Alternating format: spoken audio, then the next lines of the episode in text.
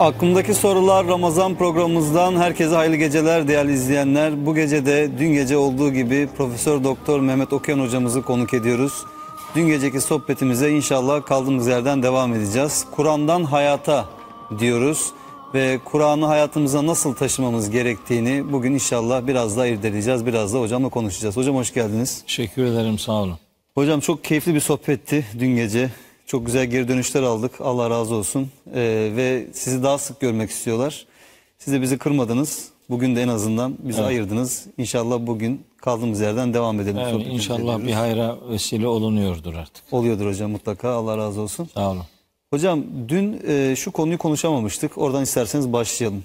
Kur'an-ı Kerim'in hedeflediği ideal insan ve toplum nasıl bir insandır, nasıl bir toplumdur? Buradan başlayıp isterseniz devam edelim. Evet ben e, dün akşam biraz kısmen hani Kur'an ve insan ilişkisini ortaya koymaya gayret ettik. Ama işte hiçbir program hedeflendiği gibi başlayalım ve bitirelim şurada dediğiniz yeri bitiremiyorsunuz. Olmuyor. Çok güzel şeyler konuştuk. Şimdi hele söz Kur'an'dan olursa o zaman daha da çok mesele açılıyor ister istemez. Yani Kur'an'ın hakikatleri eğer konuşulacaksa bilinmelidir ki icabında kelimeler biter, o hakikatler bitmez. Ki ayet var değil mi? İki tane galiba. İki tane ayet var. Bir tanesi Kehf suresinin 110. ayeti, öbürü de Lokman suresinde. Yani böyle olunca ister istemez e, hesap etmediğimiz açılımlar yaşanınca planladığımız konuşmaları yapamıyoruz. E, belki dün akşam söylemeliydik ama söyleyemedik. Şuradan başlayayım ben. Kur'an nasıl bir insan ve nasıl bir toplum ister sorusunu cevaplamak üzere. Bir defa e, biraz sloganik olsun ama biraz da sarsıcı olsun. E, şöyle bir cümle söyleyeyim. Bilerek söylüyorum bunu. Öyle e, altı boş bir söylem olarak ifade etmiyorum. Kur'an-ı Kerim devrimci bir kitaptır. Gerçekten Kur'an böyle tanımlanabilir. Hocam hatta bütün peygamberler de devrimcidir. Tabii yani tabii. Ben şimdi Kur'an deyince kastımın bir taraftan Hazreti Peygamber olduğunu kardeşlerimin bilmesini isterim. Ee, bir tarafında Hazreti Peygamber varsa onun her tarafında her peygamber var demektir. var. Yani bizim e, hani onu da açıklayalım. Bu kitap Allahu Teala'nın koruma garantisini aldığını söylüyor ya Hicr suresi 9. ayette. İster istemez başkaları soruyorlar. Yani Allah niye Tevrat'ı korumamış? Niye Zebur'u, İncil'i korumamışlar? Niye bu kitabı korumuş filan diye sorular soruyorlar. Ben onlara şöyle cevap veriyorum. Bak kardeşim bu kitap korundu mu? Koru. Tevrat da korunmuş demektir işte. Çünkü bugün Tevrat, İncil veya Zebur diye ya da başka bir dini söylem anlamında kimin her ne iddiası varsa bilinmelidir ki Kur'an'a uygunsa doğrudur, aykırıysa doğru değildir.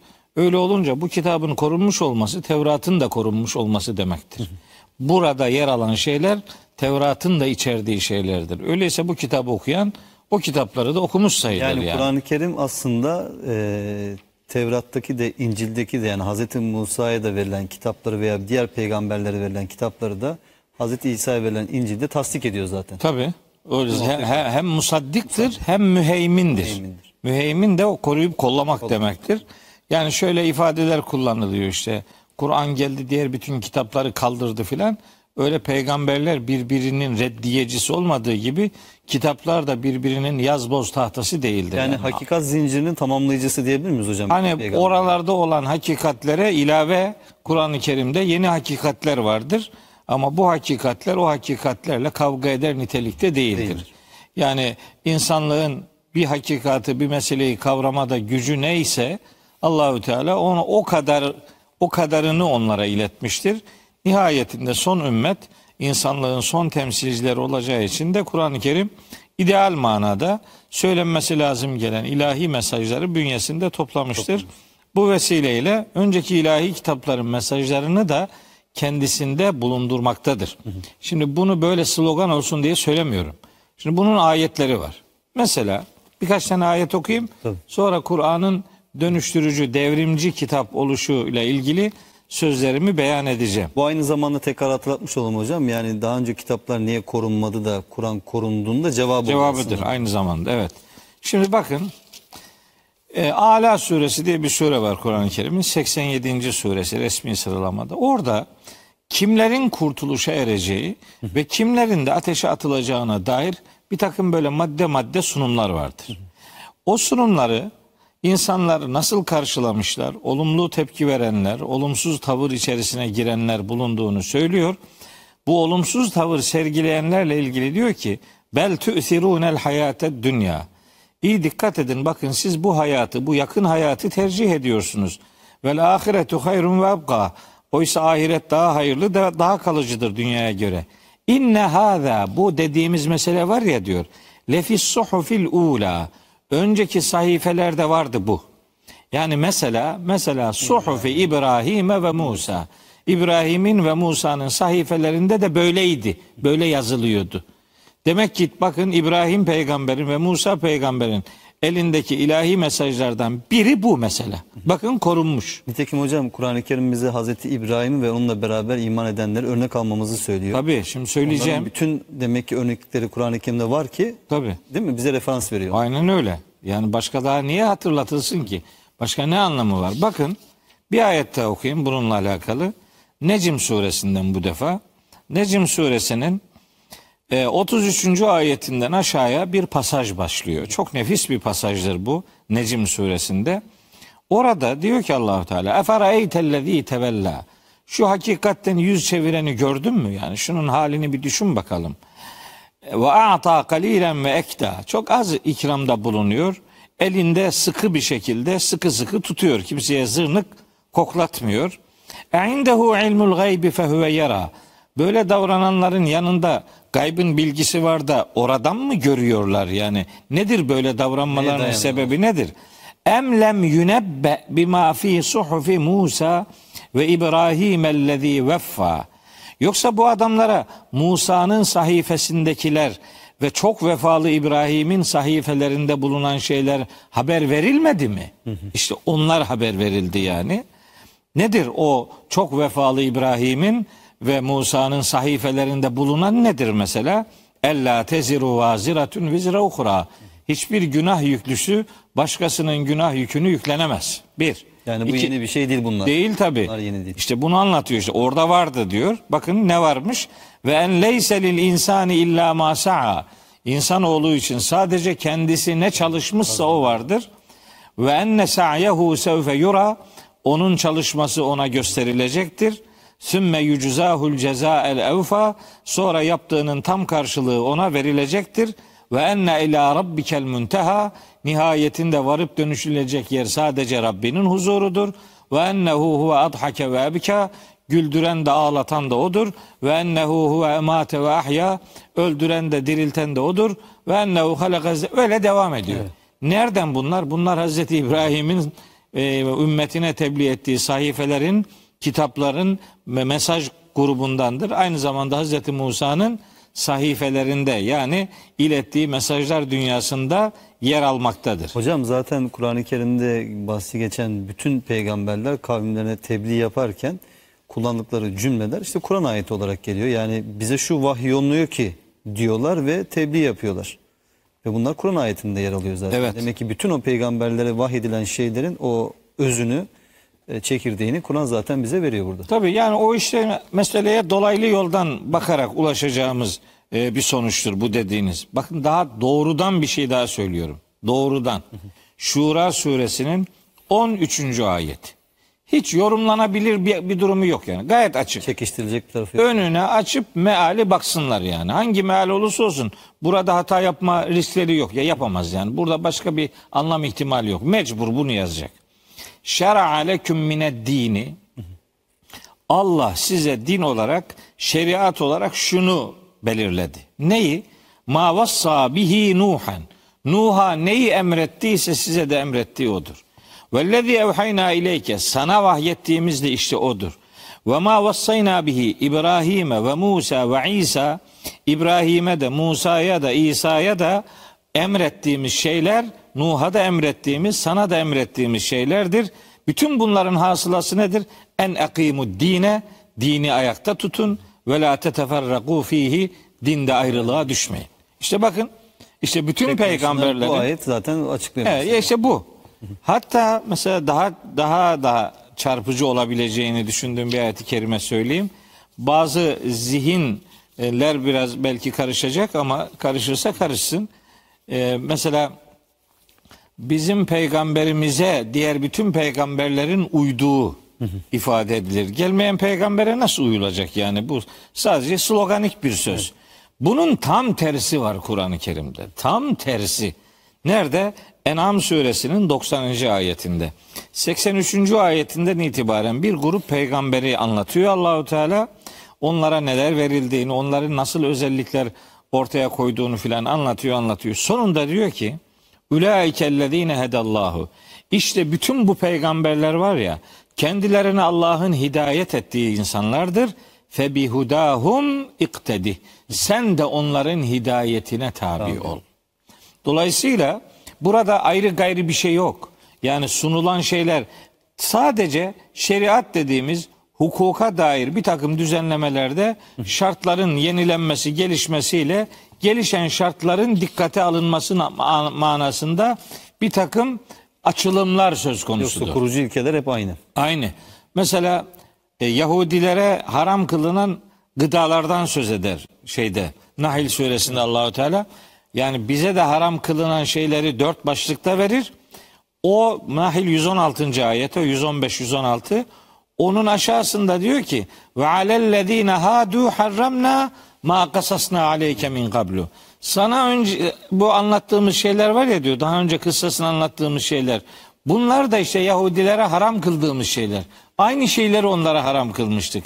İlaveten iç yağı ve tırnaklı hayvanların e, bir takım organları noktasında İsrailoğullarının kendi azgınlıklarının cezaya dönüştürülmesi anlamında bir ilave cezadan söz eder. Sonra Hazreti İsa eliyle o haramların artık helale dönüştürüldüğü beyan edilir. Yani aslına dönüştürüldüğü. Yani aslında Allah onları haram etmemiş olmasına rağmen kendini haramlaştırdıkları için, İçin- Allah da onları cezalandırıyor. Evet. Zalike cezeynahum bi bagihim diyor. Azgınlıklarından dolayı onları böyle cezalandırdık Hazreti diyor. İsa da onların üzerindeki o zincirlerden kurtarıyor. Evet ve liyuhulle leküm ba'dallezî hurrime aleyküm. Onlara haram haram kılınan şeylerin bir kısmını helal helal, kılmak üzere gönderildim diye. Böyle peygamberler birbirinin reddiyecisi değil, birbirinin tasdik edicisi, musaddıkı ve müheymini olarak tanımlanır. Dolayısıyla bu felsefeye benzemez bu yani. Evet. Filozoflara benzemez bu iş. Filozofların birinin varlığı öbürünün çürütülmesine dayalıdır. Genellikle böyledir. Kendinden öncekini genelde. Reddettir. Veya bir şekilde farklı E onu şey hedefe koyar, onun üzerinden yürür. Oysa Kur'an-ı Kerim'de mesela şeyde Ali İmran suresi 81. ayette ve izâ hazallahu mîsâkan nebiyyîne mi?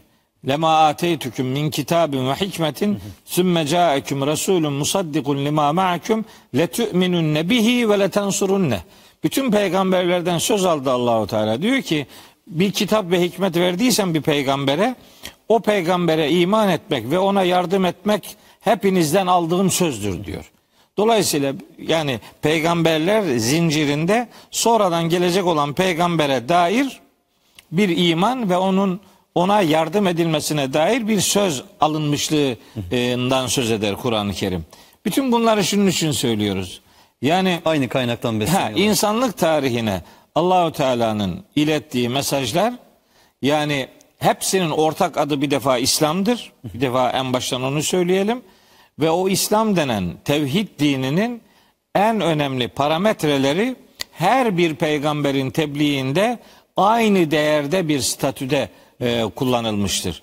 Nahil suresi 36. ayet bunu söylüyor. Diyor ki Allahu Teala ve lekad ba'asna fi kulli ümmetin rasula.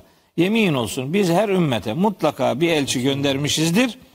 Eni'budullâhe tek olan Allah'a kulluk edin ve işte bu tağute azgın olan şeylerden kaçının diye. İşte tevhid budur. İşte bütün peygamberlerin evrensel olarak sunduğu hakikat budur. Bu itibarladır ki bütün peygamberlerin tebliğ ettiği esasların ortak adı İslam'dır ve bu İslam dediğimiz ortak e, dini e, isme kendisini ait hisseden herkesin evrensel manada adı Müslümandır. Hocam zaten peygamberler biz kavmimiz içerisinde Müslümanlar ilki izliyorlar. Evet. Allah'a teslim olanların ilki izliyorlar. Ha, e, sadece- öncüsüyüz öncüyüz diyelim. Yani. Evet. Öncüsü ilki olunca işte o toplum içerisindeki ilki. Ha, evet öncüsü yani demek e, ilki her zaman ilki tam tutmayabilir. Öncüsü demek daha iyi.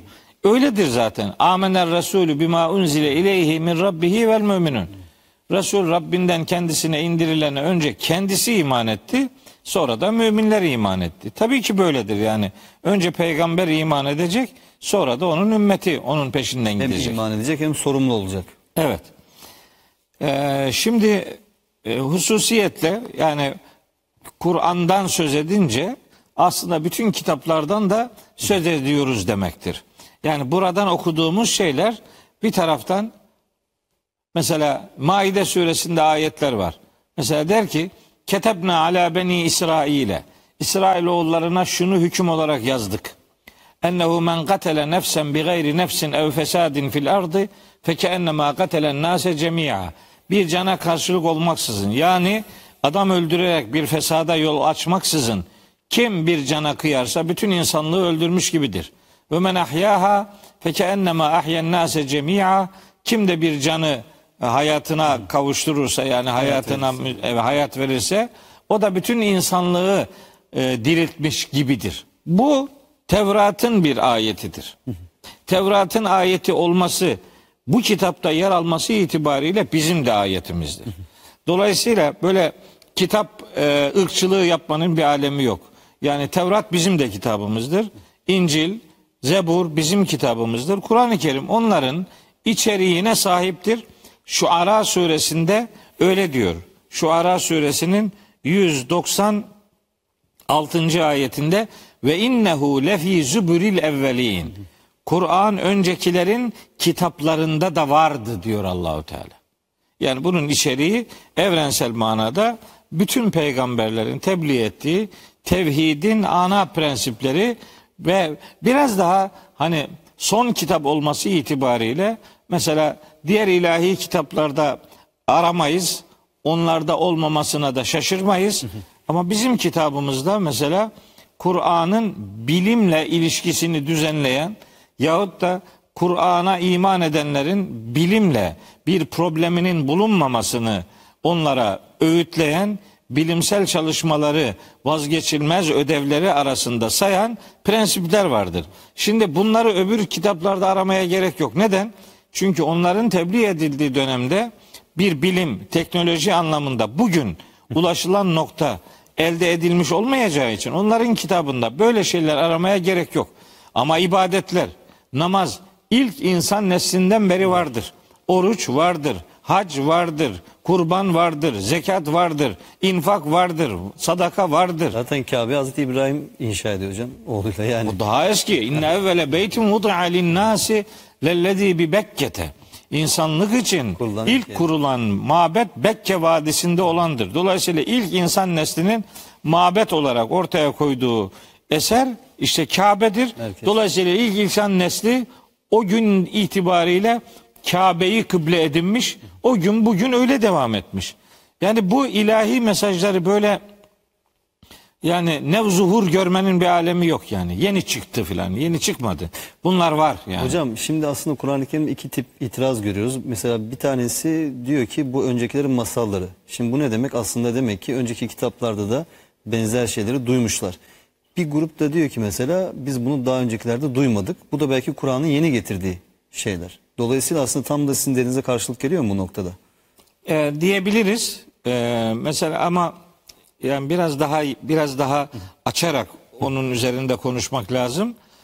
Bu öncekilerin masallarıdır diyenler öncekilere de inanmayanlardır. Yani onları da e, inanç konusu görmeyen ve onlara da itibar etmeyen ve biz bunları şöyle ayetler var. Lekad uidna hada nahnu ve abauna min qablu in hada illa esatirul evvelin. Yani bu vaatler var ya bunlar. Bu bir Müminun suresinde var bu ayet, bir Neml suresinde var iki tane. Yani bu bize bize ve atalarımıza buna benzer vaatler çok geldi. Haberleri var bu işlerden.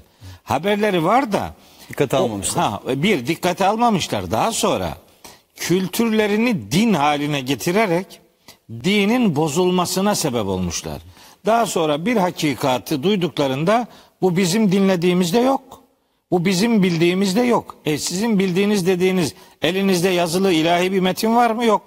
Öyle diyor Allahu Teala şeyde Kalem suresinde. Emleküm kitabun bir kitabınız mı var da fihi tedrusun oradan Neye göre çalışıyorsunuz. hüküm Yani ne? Evet. neye göre nedir bu? Ha böyle kulaktan dolma bilgiler var fakat hani alışkanlıklar ya da kültürel veya yöresel şartlanmışlıklar işte o dini öğretileri bozmuş. Onlar artık tanınmaz hale gelmiş. Bu defa onların orijinalini onlara tebliğ eden bir peygamber gelince mesela Hazreti Peygamber'e demişler ki Saat suresinin ilk ayetleri çok çarpıcıdır. Emreciğim çok çok her Müslümanın bu ayetleri bilmesi bir defa olsun okumasını isterim yani. Nice söylemlerin değişeceğine kaniyim. Saat suresinin şöyle ilk 8 ayetini 9 ayetini okusun ya. Okuyalım hocam burada da okuyalım. Şimdi. yani yani herkese söylemek istiyorum. Yani Ramazan ayı, Kur'an ayı filan e, yani Kur'an'ın manasıyla buluşsunlar istiyorum. Anlayarak okusun şimdi. Bak. Diyor ki Allahu Teala birinci, ikinci, üçüncü ayeti geçiyorum. Dört. Ve acibu en ca'ahum munzirun minhum. Mekkeli müşrikler şimdi. İçlerinden kendilerine bir uyarıcının gelmesine şaşırdılar. Yani bunu garipsediler. Çünkü onlar melek peygamber bekliyorlardı. Yahut da ille de insan olacaksa Mekke'de Velid bin Mughire işte Taif'ten de Urve, Urve Es-Sakafi. Yani önde gelenlerden birisi. Evet, evet yani. hatırlı adam yani. Onlar haşa Allahu Teala'ya haşa akıl veriyorlar. Yani sen kimi peygamber yapacağını bilememişsin. Bu Mekke'de olsa şu olacaktı yoksa Taif'ten de bu olacaktı filan diye kendilerine kendilerinden bir peygamber uyarıcı gel- gelmesine şaşırdılar. Ve kâlel kafirune. Bu kafirler dediler ki Hada sahirun kezzabun. Bu peygamberimize yönelik Mekkeli müşriklerin 10 tane suçlaması vardır. Emreciğim 10 suçlama. Bu 10 suçlamaya karşı ümmetin de peygamberini sahiplenme noktasında 10 tane görevi vardır. Tabi yani bir iyi bir Kur'an talebesi olursa bir adam e, yani peygamberimize Mekkeli müşrikler suçlama olarak neleri yönlendirmişler. Ben böyle hiç detaya girmeden bunları birer tane söyleyeyim. tabii hani hocam, tabii. 10 tane deyip de gitmeyelim. Burada iki tanesi var. Daha 8 tane daha var çünkü. Şimdi mesela bakın peygamberimize ne demişler? Mecnun. Mecnun Türkçe'ye çevrilirken deli diye tercih. Hayır o deli demek değil. Bir defa deli dedikleri birine el emin derler mi? Deli dedikleri birine mallarını, eşyalarını emanet ederler mi? Hayır. O, o deli değil. Bizim Türkçe'de kullandığımız manada deli değil.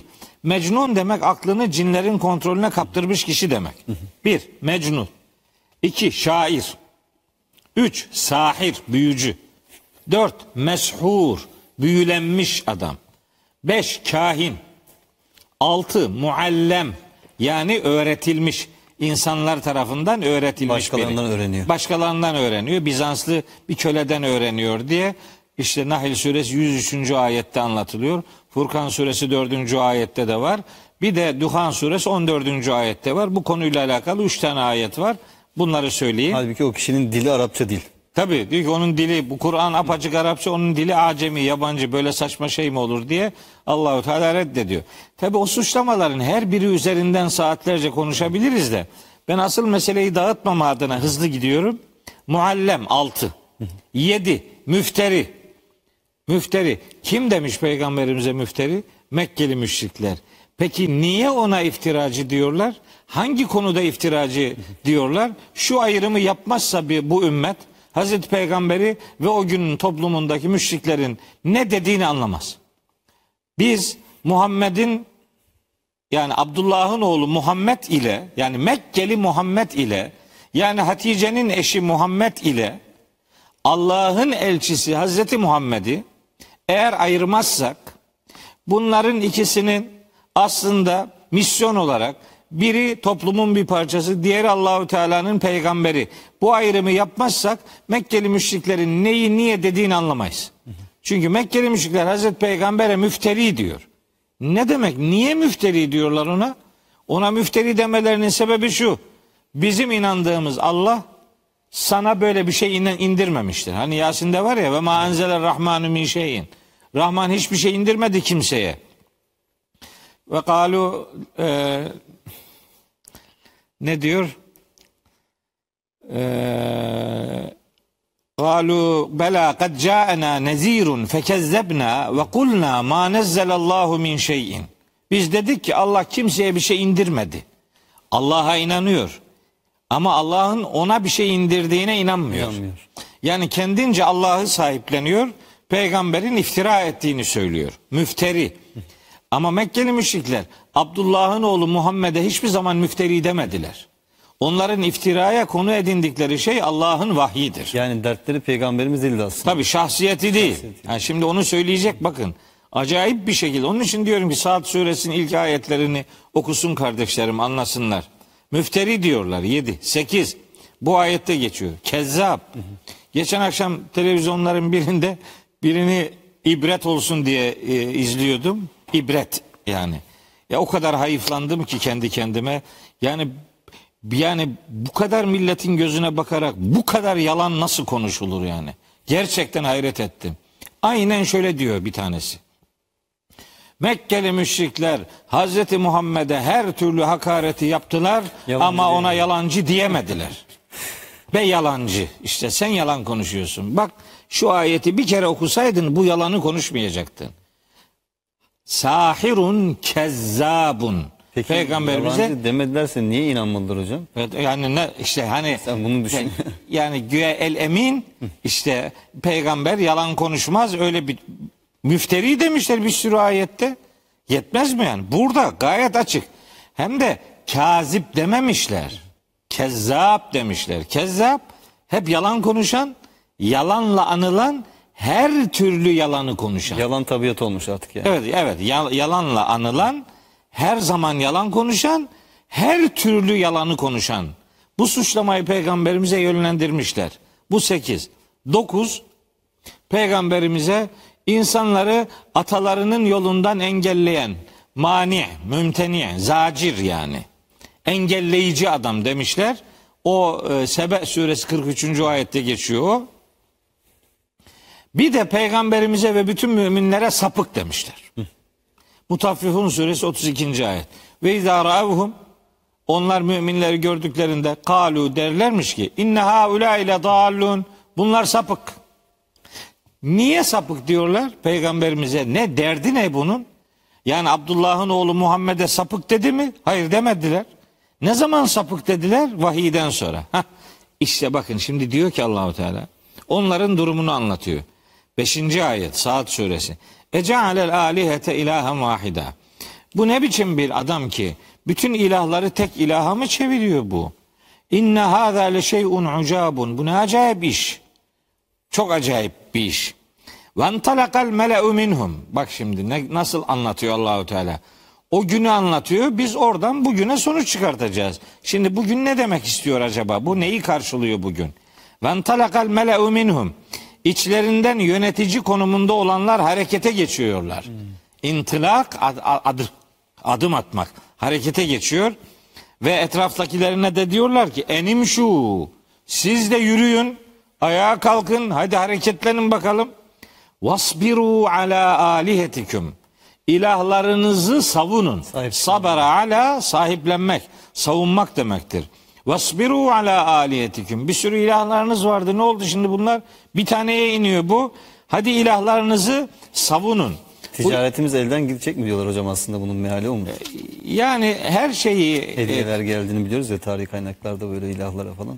Evet yani ben tabii o tarihi kısmını çok fazla bilmem. Ee, ama yani statülerini kaybedeceklerini, itibarlarını kaybedeceklerini, otoritelerini yitireceklerini biliyorlar. Hatta bununla ilgili bir ayet daha var aklıma geldi. Furkan suresi 42. ayet. Şimdi peygamberimiz için bakın ne diyorlar. Ya öyle bir acayibime gidiyor Hocam ki. bu arada siz ona geçmeden önce genelde böyle Mekke şartlarını anlatırken insanlar böyle çok hani tarih öncesi dönemlerde böyle barbar insanların yaşadığı falan böyle bir ortam olarak daha çok tasvir edilmeye çalışılıyor. Yok hiç ilgisi yok. Halbuki bu adamlar özellikle bir grup oldukça dindarlar. Tabii. En dindarlar. Bunlar aslında dinleri elden gidiyor diye karşı çıkıyorlar. Tabii, tabii. En Uydurdukları din muhafazakarlar. elden gidiyor diye. Tabii zaten o, biraz önce onu dedim ya. Niye müfteri diyor? Allah'ı sahipleniyor. Diyor ki benim Allah'ım böyle bir şey demez diyor. Sen Allah'a iftira ediyorsun diye Allah'ı sahipleniyorlar. Mekke'nin en dindarları Hazreti Peygamberle uğraşıyor. Hatta biz bu putları Allah ortak koşmuyoruz diyorlar değil mi? Tabii, tabii. Allah bizi yaklaştırsın diye onlara ibadet ediyoruz diyor. Elbette yani biz putları put olduğu için bunlara kulluk yapmıyoruz. Tek sebebi bizi biraz daha Allah'a yaklaştırsınlar. Allah'ın katında bize şefaatçi olsunlar. Bunlar ne kadar tanıdık cümleler yani. Ne kadar her gün her her vesileyle duyduğumuz şeyler bunlar. Bakın diyor ki şu ayeti açtım okuyayım. Furkan suresi 42. İnkade peygamberimiz için diyor Mekkeli müşrikler. İnkade neredeyse az kalsın leyudilluna bu adam dedikler Hazreti Peygamber bizi saptıracaktı. Peygamberimize sapık diyorlar ya. Bizi saptıracaktı. An alihetina ilahlarımızdan bizi saptıracak, ayrı koyacaktı. Levla en sabarna aleyha. Biz ilahlarımızı savunmasaydık, biz harekete geçmeseydik, milleti harekete geçirmeseydik, işte ilahlarımızdan bizi saptıracaktı. Kim peygamberimiz? Neden öyle diyorlar? Çünkü peygamberimize sapık diyorlar. Niçin sapık diyorlar? Bütün ilahları kaldırıp tek Allah inancını getirdiği için. Bu acayip bir iş olmaz diyorlar. Etrafa da diyorlar ki kendilerince hani e, hatırlı olan veya iş görebileceğine inandıkları insanlara diyorlar ki ha, harekete geçin. İlahlarınızı sahiplenin, savunun. İnne hada bakın çok tanıdık bir cümle daha. İnne haza le şey'un yuradu. Şimdi sizden istenen sadece bu. Başka bir şey yapma. Engelle, adamı engelle. Adamı Konuşturma. engelle. Konuşturma diyor yani. Değil mi? Konuşturma. Okuma. İşte, te- bu adamı konuşturma. İşte bu adamı televizyona çıkartma. Bu adamın kitabını okuma. Bu adamın programını izleme. Bu adamın Konferansına gitme. konferansına gitme. Yani böyle bir şey. Aynı bak. Ben onun için çok üzülüyorum. Yani yani bugün Bir de bazı Kur'an işler okurken yapıyorlar. Yaygara koparın mı diyorlardı hocam? Ben yanlış mı hatırlıyorum? Ha, O, o da var. O başka. O da Fussilet suresi 26. ayette. Yani işitilmesin Allah'ın ayetleri yani. Tabii yani gürültü çıkartın, patırtı kütürtü yapın, onun Kur'an'ın sesini bastırın. Umarım ki bastırırsınız yani. Vel gavfihi Kur'an'la ilgili böyle gürültü yapın, patırtı kütürtü yapın ya da başka sözleri Kur'an'ın önüne geçirin. Bir muhalata yapın ki lealleküm taglibun. Hocam Firavun Belki da- galip galip gelirsiniz. Firavun da halkının dinini çok önemsiyordu. Yani Hazreti Musa'nın onların dininden etmelerinde endişe ediyordu. Sanki ayette öyle diyordu. Evet evet. Yani bu Musa'yı Yani şu ayeti saptırmasından- bana, anladım. Saptırmasından korkuyorum diyor değil mi hocam? Onda çok dini hassasiyeti vardı Firavun'un aslında. Evet. Okuyayım mı ayeti? Okuyalım hocam. Okuyayım. Ya bu bir, öbür ayeti okutturmuyorsun bana yani. hocam işte, Yani öyle, öyle gidiyor yani. Ve kâle firavunu. Firavun demiş ki ve kâle firavunu deyince bizim Trabzonluların bir fıkrası var. Anlatayım mı fıkra? Tabii hocam anlatın buyurun. Ya fıkra, fıkrasız da olmaz yani. Böyle sürekli gülmek doğru değil ama ara sıra gülümsemekte bir sorun yok. Fakat bazen fıkra anlatıyorum. Karşımdaki gülmüyor, sinir oluyor.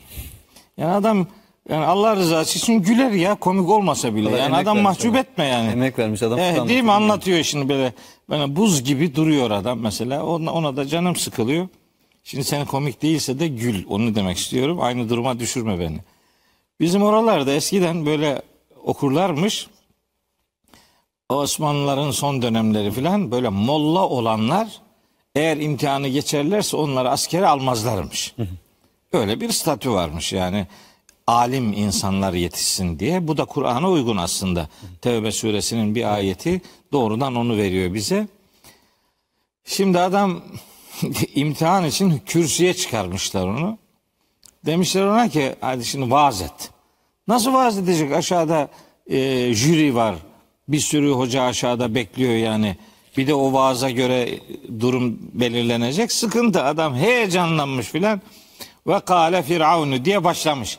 Tercüme edecek. Şimdi biz kale dediğimiz zaman büyük çoğunlukla ya kâle Allahu deriz ya da kâle Resulullahi deriz yani. Allah buyurdu, Resulullah şöyle buyurdu filan diye ona alışmış dili. Adam da böyle şaşırmış ve kâle firavunu firavun buyurdi demiş. Buyurmak işte bizim oranın ağzıyla buyurdi. Alttaki hemen bir tanesi müdahale etmiş. Bizim oranın böyle refleksiyle böyle demiş ki yani içini çekmiş yani olur mu öyle şey? Ulan demiş Firavun da buyurur. Ve kâle firavunu firavun afkurdi demiş. Afkurmak yani çok affedersin kardeşlerimden bağışlama diliyorum. Köpeğin havlamasına derler. Yani firavuna buyurdu nasıl dersin? Ama i- imtihani heyecan olunca adam karıştırmış. Şimdi bu, bu vakale firavunu nerede görürsem o fıkrayı hatırlıyorum. Biz öyle buyurdu diyecek halimiz yok.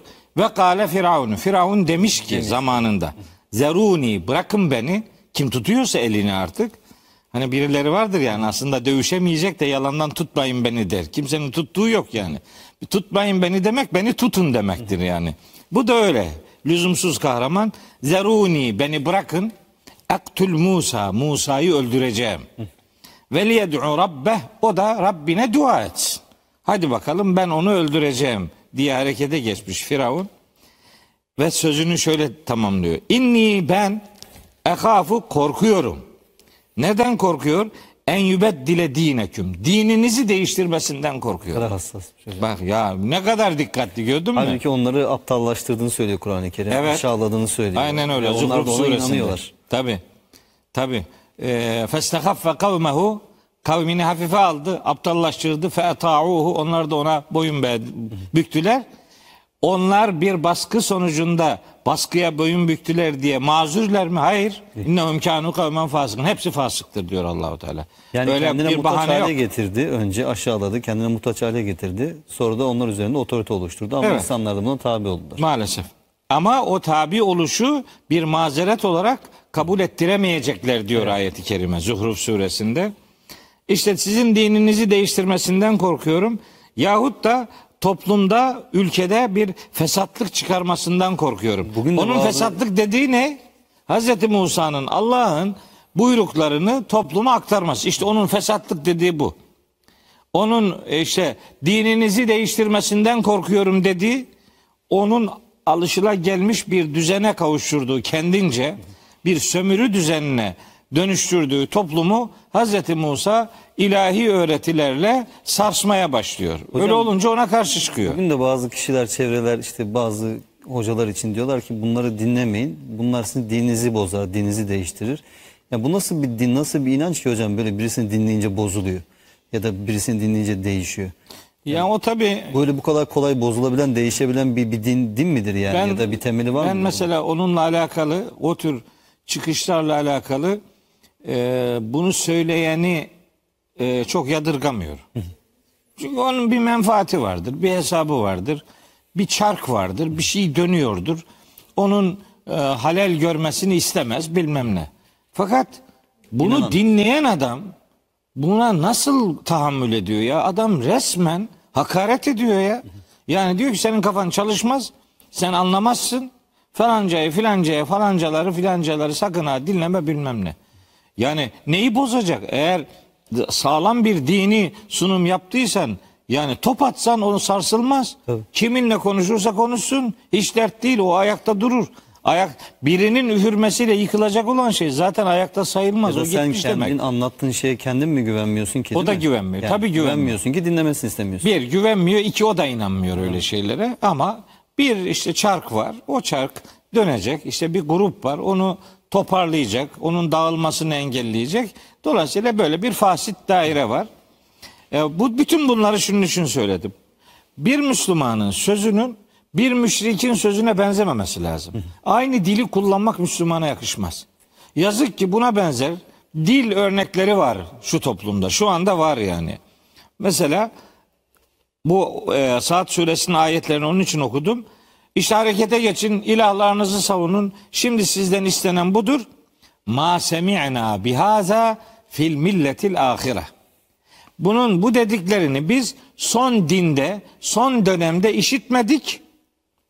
İn haza illa ihtilakun. Bunun dedikleri sadece ortalığı karıştırmaktan ibarettir. Ha, ortalığı karıştırıyor dedikleri kim? Hazreti Muhammed sallallahu aleyhi ve sellem. Yani ona ortalığı karıştırıyor. Peki ne diyor? Diyor ki şirkten vazgeçin, tevhide gelin. Peki bundan kim rahatsız olur? Şirkten beslenen rahatsız olur. Onu Allahu Teala Hazreti Peygamber'e müşriklerin tavrını öğretmek üzere ve bizi bilgilendirmek üzere aynı dili kullanmayın. Bakın bir ayet daha okuyayım. 8. ayet çok çarpıcı.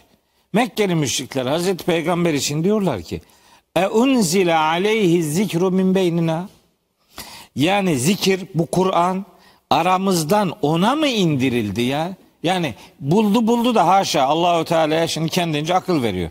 Allahu Teala yani buna mı indirilmesi gerekiyordu bunun? Belhum fi şekkim min zikri. Onların derdi indirildiği adam değil. Onların derdi bizim zikrimiz. Onların yalanladığı şey peygamberimizin kendisi değil. Onların yalanladığı Allah'ın ayetleridir. En'am suresi 33 ve 34. ayetler doğrudan bunu söylüyor. Kad na'lemu biz gayet iyi biliyoruz. İnnehu le yahzunukellezî yekulun. Bu adamların söyledikleri sözlerin seni hüzünlendirdiğini gayet iyi biliyoruz. Fe innehum la yukezzibunek. Bu adamlar seni yalanlamıyorlar. Velakinne zalimine bi ayatillahi yechadun. Bu zalimler Allah'ın ayetlerini inkar ediyorlar. Yani, Yani- peygamberimizi motive ediyor orada. Tabii. Yani kendini hüzünlendirmek. Onla, onların Hazreti Peygamber'in şahsiyetiyle, kimliğiyle, Mekkeliliğiyle bir sorunları yok. Hatta Mekkeliliğiyle hiçbir sorunları yok. O kadar yok ki mesela Peygamberimiz o Ficar savaşlarına katılıyordu. Mekke'yi savunma anlamında. Mesela Hilful Fudul diye bir teşkilat vardı. Hilful Fudul yani faziletli, erdemli olmaya yemin edenlerin işte teşkilatı. Bir gönüllü sivil toplum kuruluşu. Ona üyeydi. Yani o kadar akıllı ve aklına itibar edilen bir pozisyondaydı ki işte Kabe'nin işte o Hacer-i Esved'in yerine konulması aşamasında yaşanacak büyük bir tartışma onun ferasetiyle engellenmiş ve o itibar gören biriydi. Ne zaman ki vahiy adına bir şeyler söylemeye başladı, ne zaman ki Allah böyle diyor dedi ve o söylenenler o o gün Mekke'deki oligarşik düzenin işte yıkılmasını istemeyen adamların menfaatini zedeledi, menfaatlerine halel getirmeye başladı. O zaman o demin saydığım 10 tane suçlamayı El Emin dedikleri Hazreti Peygamber'e gözlerini kırpmadan saydırdılar. E şimdi ne olacak? Yani itibarsızlaştırdılar değil mi hocam toplumda? İnsanlar onu dinlemesin diye, insanlar onun peşinden gitmesin, kulak vermesinler diye bu iftiralarla aslında itibarsızlaştırmaya mı çalıştılar? Evet yani biraz o öyle vahyin sesini kısmaya gayret ettiler. Yani mesela Mescid-i Haram'da peygamberimiz namaz kılarken böyle açık okurmuş.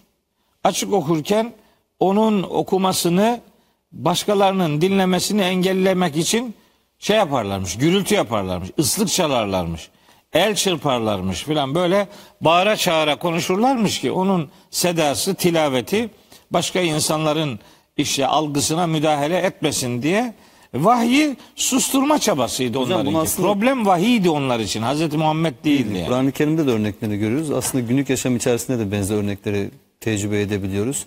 Yani bir şey itiraz ederken insanlar çoğu zaman aslında ortaya konulan teze değil de o kişiye ve o kişinin herhangi bir özelliği üzerinden karalamaya gitmeye çalışıyorlar. Ve mesela işte Firavun da Hazreti Musa için diyor ki bu meramını anlatamayan adam diyor. Aslında anlattığı şeyin ne olduğu veya ona itiraz getirmiyor. Ona antitez üretmiyor. Onun kişiliği üzerinden bir şey söylemeye çalışıyor. Hazreti Nuh'un etrafındaki insanlar için mesela ayak takımı diyorlar. tabirini kullanıyorlar, söylüyorlar. Evet. Eraziluna Hep, badiye hep böyle re'yi. yani daha çok aslında mesaja getirdiği, beraberinde getirdiği mesajı bir antitez üretmek değil de böyle onu karalamaya çalışmak ve onun üzerinden böyle bir e, itiraz geliştirmeye çalışıyorlar.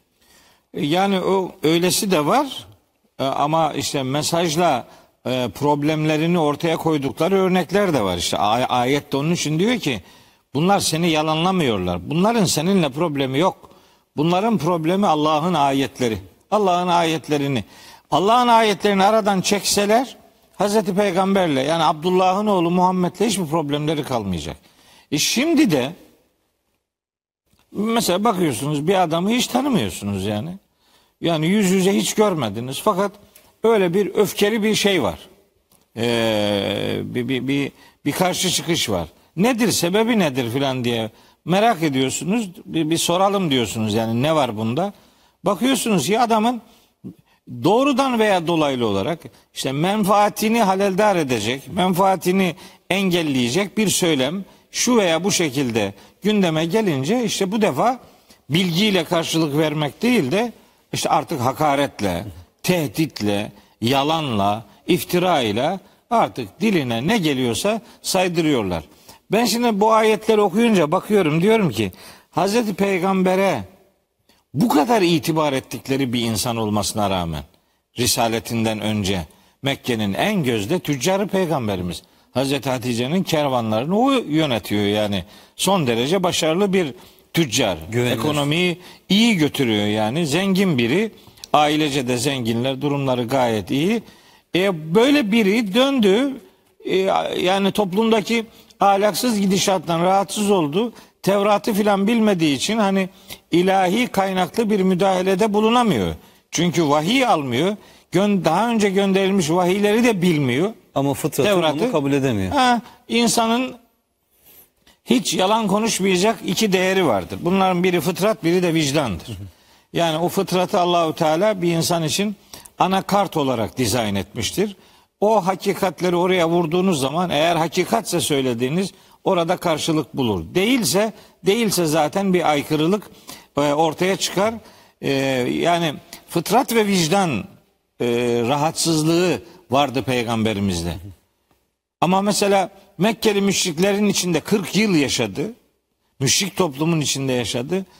Onunla daha sonra şu kadar mücadele eden insanlar kalkıp da Hazreti Peygamber'in yani risaletinin öncesindeki o 40 yılı için ya sen şöyle yaramaz biriydin, şunları da yapıyordun, bunları da yapıyordun türünden bir suçlamada bulunamadılar. Niye? Çünkü o toplumda böyle muvahhidler vardı az sayıda. Hanifler de deniyordu onlara. Hazreti İbrahim'den kalma e, sözlü bir dini öğretiyi benimseyen ve onu dillendiren, yaşamaya gayret eden küçük bir topluluktu. Onlardan biri de Hazreti Peygamber idi. Ama er- elde bir kitap olmadığı için yani problemlere dini sunumla karşılık verme imkanı bulunamadığı için e, Peygamberimiz ikide bir Hira'ya çıkıyordu işte. Yani Hira'ya piknik yapmaya filan Mekke'ye böyle bir kuş bakışı manzara atmaya gitmiyordu yani. Bir sıkıntı vardı. O sıkıntı onu Hira'ya gönderiyordu. Onunla bile dalga geçmişlerdi. Henüz peygamber değilken bile. Alay ediyorlardı. Peygamberimiz Hira'ya giderken onu gördüklerinde diyorlardı ki aşika Muhammedun Rabbahu. Muhammed Rabbine aşık oldu gene gidiyor filan diye. Hira aslında e, arayış demektir. Peygamberimiz bir kaçışın değil arayışın içerisindeydi. İşte o arayışlarının birinde Ramazan'ın içerisinde Kadir gecesinde Kur'an'la sabit bir mübarek gecede ki o Duhan suresinin ilk ayetleridir. Kadir gecesinde vahiy ile buluştu. İşte Mekkeli müşriklerin e, şeyi e, düşmanlığı o zaman başladı. Oraya kadar öyle bir şey yapmıyorlardı yani. Ona karşı bir tavırın içerisine girmiyorlardı. Onu rahatsız da etmiyorlardı. Yani Hira'ya giderken hiç de bir şey demiyorlardı. Yani niye gidiyorsun gidemezsin falan gibi bir bir hakaret makaret yok. Sadece bazıları işte aşık oldu bizimki gene çıktı gidiyor diye böyle sataşıyorlardı. Biz şimdi, şimdi bu, bu Mekkeli müşriklerin peygamberimize yönelik böyle sözleri var. Peki şimdi biz bunları okuyoruz bu kitapta. Hac suresinin 72. ayeti, ayeti var. Tam bununla alakalı. Hac 72. Diyor ki orada Allahu Teala ve izâ tutla aleyhim ayatuna beyinatın. Bu Mekkeli müşriklere bizim apaçık ayetlerimiz aktarıldığı zaman Ta'rifu fi vucuhillezine keferul münker. Bu kafirlerin yüzlerinde böyle bir öfke, hoşnutsuzluk, böyle bir e, sıkıntı görürsün. O kadar ki yekadune yestune billezine yetlun aleyhim ayatina. Onlara ayetlerimizi aktarmakta olanların neredeyse suratlarına dalacaklar. Şimdi bakın bu Mekkeli müşriklerin vahye karşı tutumlarını bize hatırlatıyor. Böyle yapıyorlardı. E bu ne demek bu? Bu şu demek. Vahyi anlatana Mecnun demeyeceksin.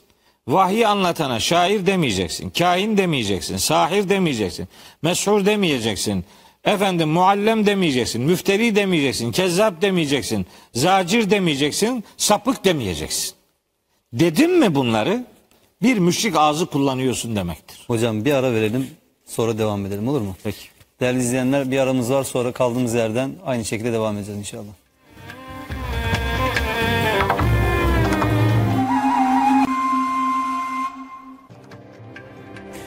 Evet değerli izleyenler kaldığımız yerden devam ediyoruz. Profesör Doktor Mehmet Okuyan hocamızla birlikteyiz. Hocam en son Mekkeli müşriklerin peygamberimize yönelik 10 itirazından, 10 iftirasından bahsetmiştik. Evet. Bu kısımla ilgili söyleyeceğiniz bir şey kaldıysa onu tamamlayalım. Sonra şu ideal insan ve toplum Evet, konusunu duyurduk. başlayalım. Oradan başlayalım Evet. isterseniz. Şimdi Kur'an-ı Kerim'in asıl derdi, asıl amacı birkaç başlıkta özetleyebileceğimiz e, şekilde ve ifade edilebilir. Mesela Kur'an'ın amacı nedir? Bir, Kur'an'ın kendi dilinden söylüyoruz. Yani kendi yani öyle bir şey üretmiyoruz. Yani. Doğrudan ayet. Şimdi diyor ki allah Teala ben bu kitabı şunun için indirdim. Ne için indirdi? Bir, buna tabi olacaksınız diyor. Aa, demek ki bizim birinci görevimiz bu kitaba tabi olmaktır. Peki bu kitaba tabi olabilmek için ne gerekiyor? Önce onu tanımak, iki ona inanmak gerekiyor. Yani siz bunu tanıyacak, buna inanacaksınız, ondan sonra da bu kitaba tabi olacaksınız. Öyle diyor. En'am suresi 155. ayette. Yani neye inandığımızı bilmemiz Bil- gerekiyor. evet bileceksiniz. Tanıyacaksınız. Tanıyıp ona tabi olacaksınız. Tabi olacağımız kitap iman etmek zorunda olduğumuz bu kitaptır. Yani bir insan bir Müslümana şu soruyu yönelse hocam sen neden Kur'an'a inanıyorsun? Bunun cevabını verebilecek bir bilgisi olması lazım bir Evet, Müslüman. evet. Çünkü şundan şundan şundan dolayı De- demesi lazım. demesi lazım. Yani bu yani yerinde söylüyorum. En'am suresi 155. ayet. Bizim bizim kitapla ilişkimizin bir tanesi bu. Buna tabi olacağız. Buna tabi olmak için önce tanıyacağız, sonra ona iman edeceğiz. Tanıyıp iman edeceğiz. Ondan sonra da tabi olacağız. Bu üçü birbirisiz olmayan şeylerdir. Peki tabi olduk bu kitaba. Ne olacak şimdi? Bu kitabın amacı ne? Bir, bizde ne yapacak? Birinci bölümde tam bunu söylüyordum. En başta bir cümlede ifade etmiştim. Bu kitap değiştirici ve dönüştürücü bir kitaptır. Bizim kitapla ilişkimizdeki e, pozisyonumuz kitap bizi değiştirecek arkadaş. Bizi bulunduğumuz yerde bırakmayacak. Böyle mi? Öyle tanıtıyor onu. Diyor ki Ankebut suresi 2. ayette yani bu elif la mim ehasiben nas en yutreku en yekulu amennâ ve la yuftenun. Yani sadece iman ettik demeyle hiçbir imtihana tabi tutulmadan bırakılacaklarını mı zannediyor bu insanlar? Yok. Kur'an-ı Kerim sadece iman ettik demeyle bırakılacak bir e, hayat vaat etmiyor. Hocam zaten e, öyle olsaydı Allah'a inanmayacak kimse olur muydu? Değil mi? Hiçbir şeyine karışmayacak. Hiçbir sorumluluk yok, hiçbir e, kural yok, kaide yok. E, inanayım derdi adam yani ne kaybederim. Ne zaman bugünkü deistler biraz öyle mi söylüyor? Senin tabi doktora çalışman olduğu için ben senden mesela bir deizm şeyi dinlemek isterdim. Evet hocam. Aslında çok güncel olması itibariyle hani bu programın içinde kenarından bucağından eee, ben mesela bu, bu gençler niye dinden soğuyor? Ben çok acayip canım sıkılıyor buna. Yani ne soruyor ki bu ya? Yani bunun bunun sorduğu ne ki? Neyine cevap veremiyoruz biz bunun? Bal gibi de cevap veririz arkadaş. Yani ne korkacak bir şey yok ki. Hocam ben, Neyse e, ne, ne? Yani gel konuşalım. Deizm adına veya ateizm adına Bir, bir veya makalede nihilizm. şöyle bir cümle kullanmıştım hocam. E, Diyanet'in bu deizm ateizm sayısı yapılmıştı orada bir makalede. Şöyle bir cümle kullandım. Onunla bunu hani özet olarak ifade etmiş olayım. Yani deizm aslında e, batıda özellikle 17-18. yüzyılda Hristiyanlığın geleneksel din anlayışına bir tepki olarak ortaya çıkıyor. Ve şöyle demiştim. Dedim ki deizm Hristiyanlığın bilinmesinden e, kaynaklanır. İslam'ın bilinmemesinden kaynaklanır. Heh, evet. Öyle olsa gerek. Evet. Yani Hristiyanlığı iyi bilirse bir adam buna Deist inanılacak olur. bir şey yok. Bunda ben hani Tanrı var tamam Çünkü başka bir şeysi yok. İslam'la yönelttikleri eleştirilerin tamamı da aslında İslam'ın ehli kitaba yönelttiği eleştiriler. Yani en temel eleştirilere baktığınız zaman işte Allah'ın tek olması, üçleme inancının reddedilmesi, asli günah inancının reddedilmesi, kilisenin otoritesinin reddedilmesi zaten Kur'an bunları tamamını reddediyor. Reddediyor. Ama bizde deizm İslam adına tehdit oluşturabilecek bir sistem değil. Çünkü bizde insanlar deist oluyorlarsa İslam'ı bilmediklerinden yani doğru İslam'ı bilmediklerinden ancak olabilirler. E, İşte ama bu ideal olanı böyledir şimdi. Yani şunu demek e, gerekiyor. Belki bir adam İslam'ı doğru bilirse deist olmaz. Olamaz. Değil mi? Evet. Öyle demek istiyoruz. Fakat toplumda öyle bir din sunumu var ki O din insanı deist yapar. ha işte böyle bir din sunumuyla muhatap olduğu zaman bu delikanlının ne olmasını bekliyorsunuz?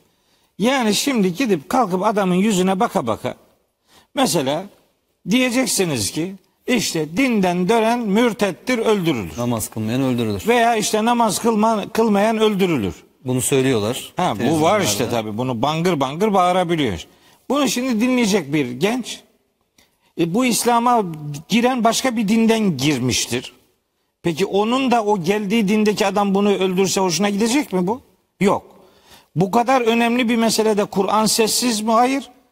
Meseleyi ele almış ve öyle bir durumda ne olacağını açık açık, çok açık, hiç yorumlanabilir bir tarafı olmayacak şekilde beyan etmiş. Ama o dini, o dini sunumu dinleyen bir delikanlının bu dine muhabbet duymasını bekleyemezsiniz. Bir. İki, ben ben karşılaştığım için bunları biliyorum. Mesela bu ilk insanla alakalı tereddütler kardeşim. Mesela çocuğa diyorsun ki sen bunu anlamazsın. Ya ne demek ya? Sen bunu anlamazsın dedim mi işte bunu ateizmin kucağına itiyorsun demek. Niye anlamıyormuş? Desene ben bunu anlatamam. Ha, anlatamam de de bir anlatan bulalım. Bulalım. Yani sen çocuğa anlamazsın deyince o da anlayacağı şeylerin peşine gider. Bal gibi de gider.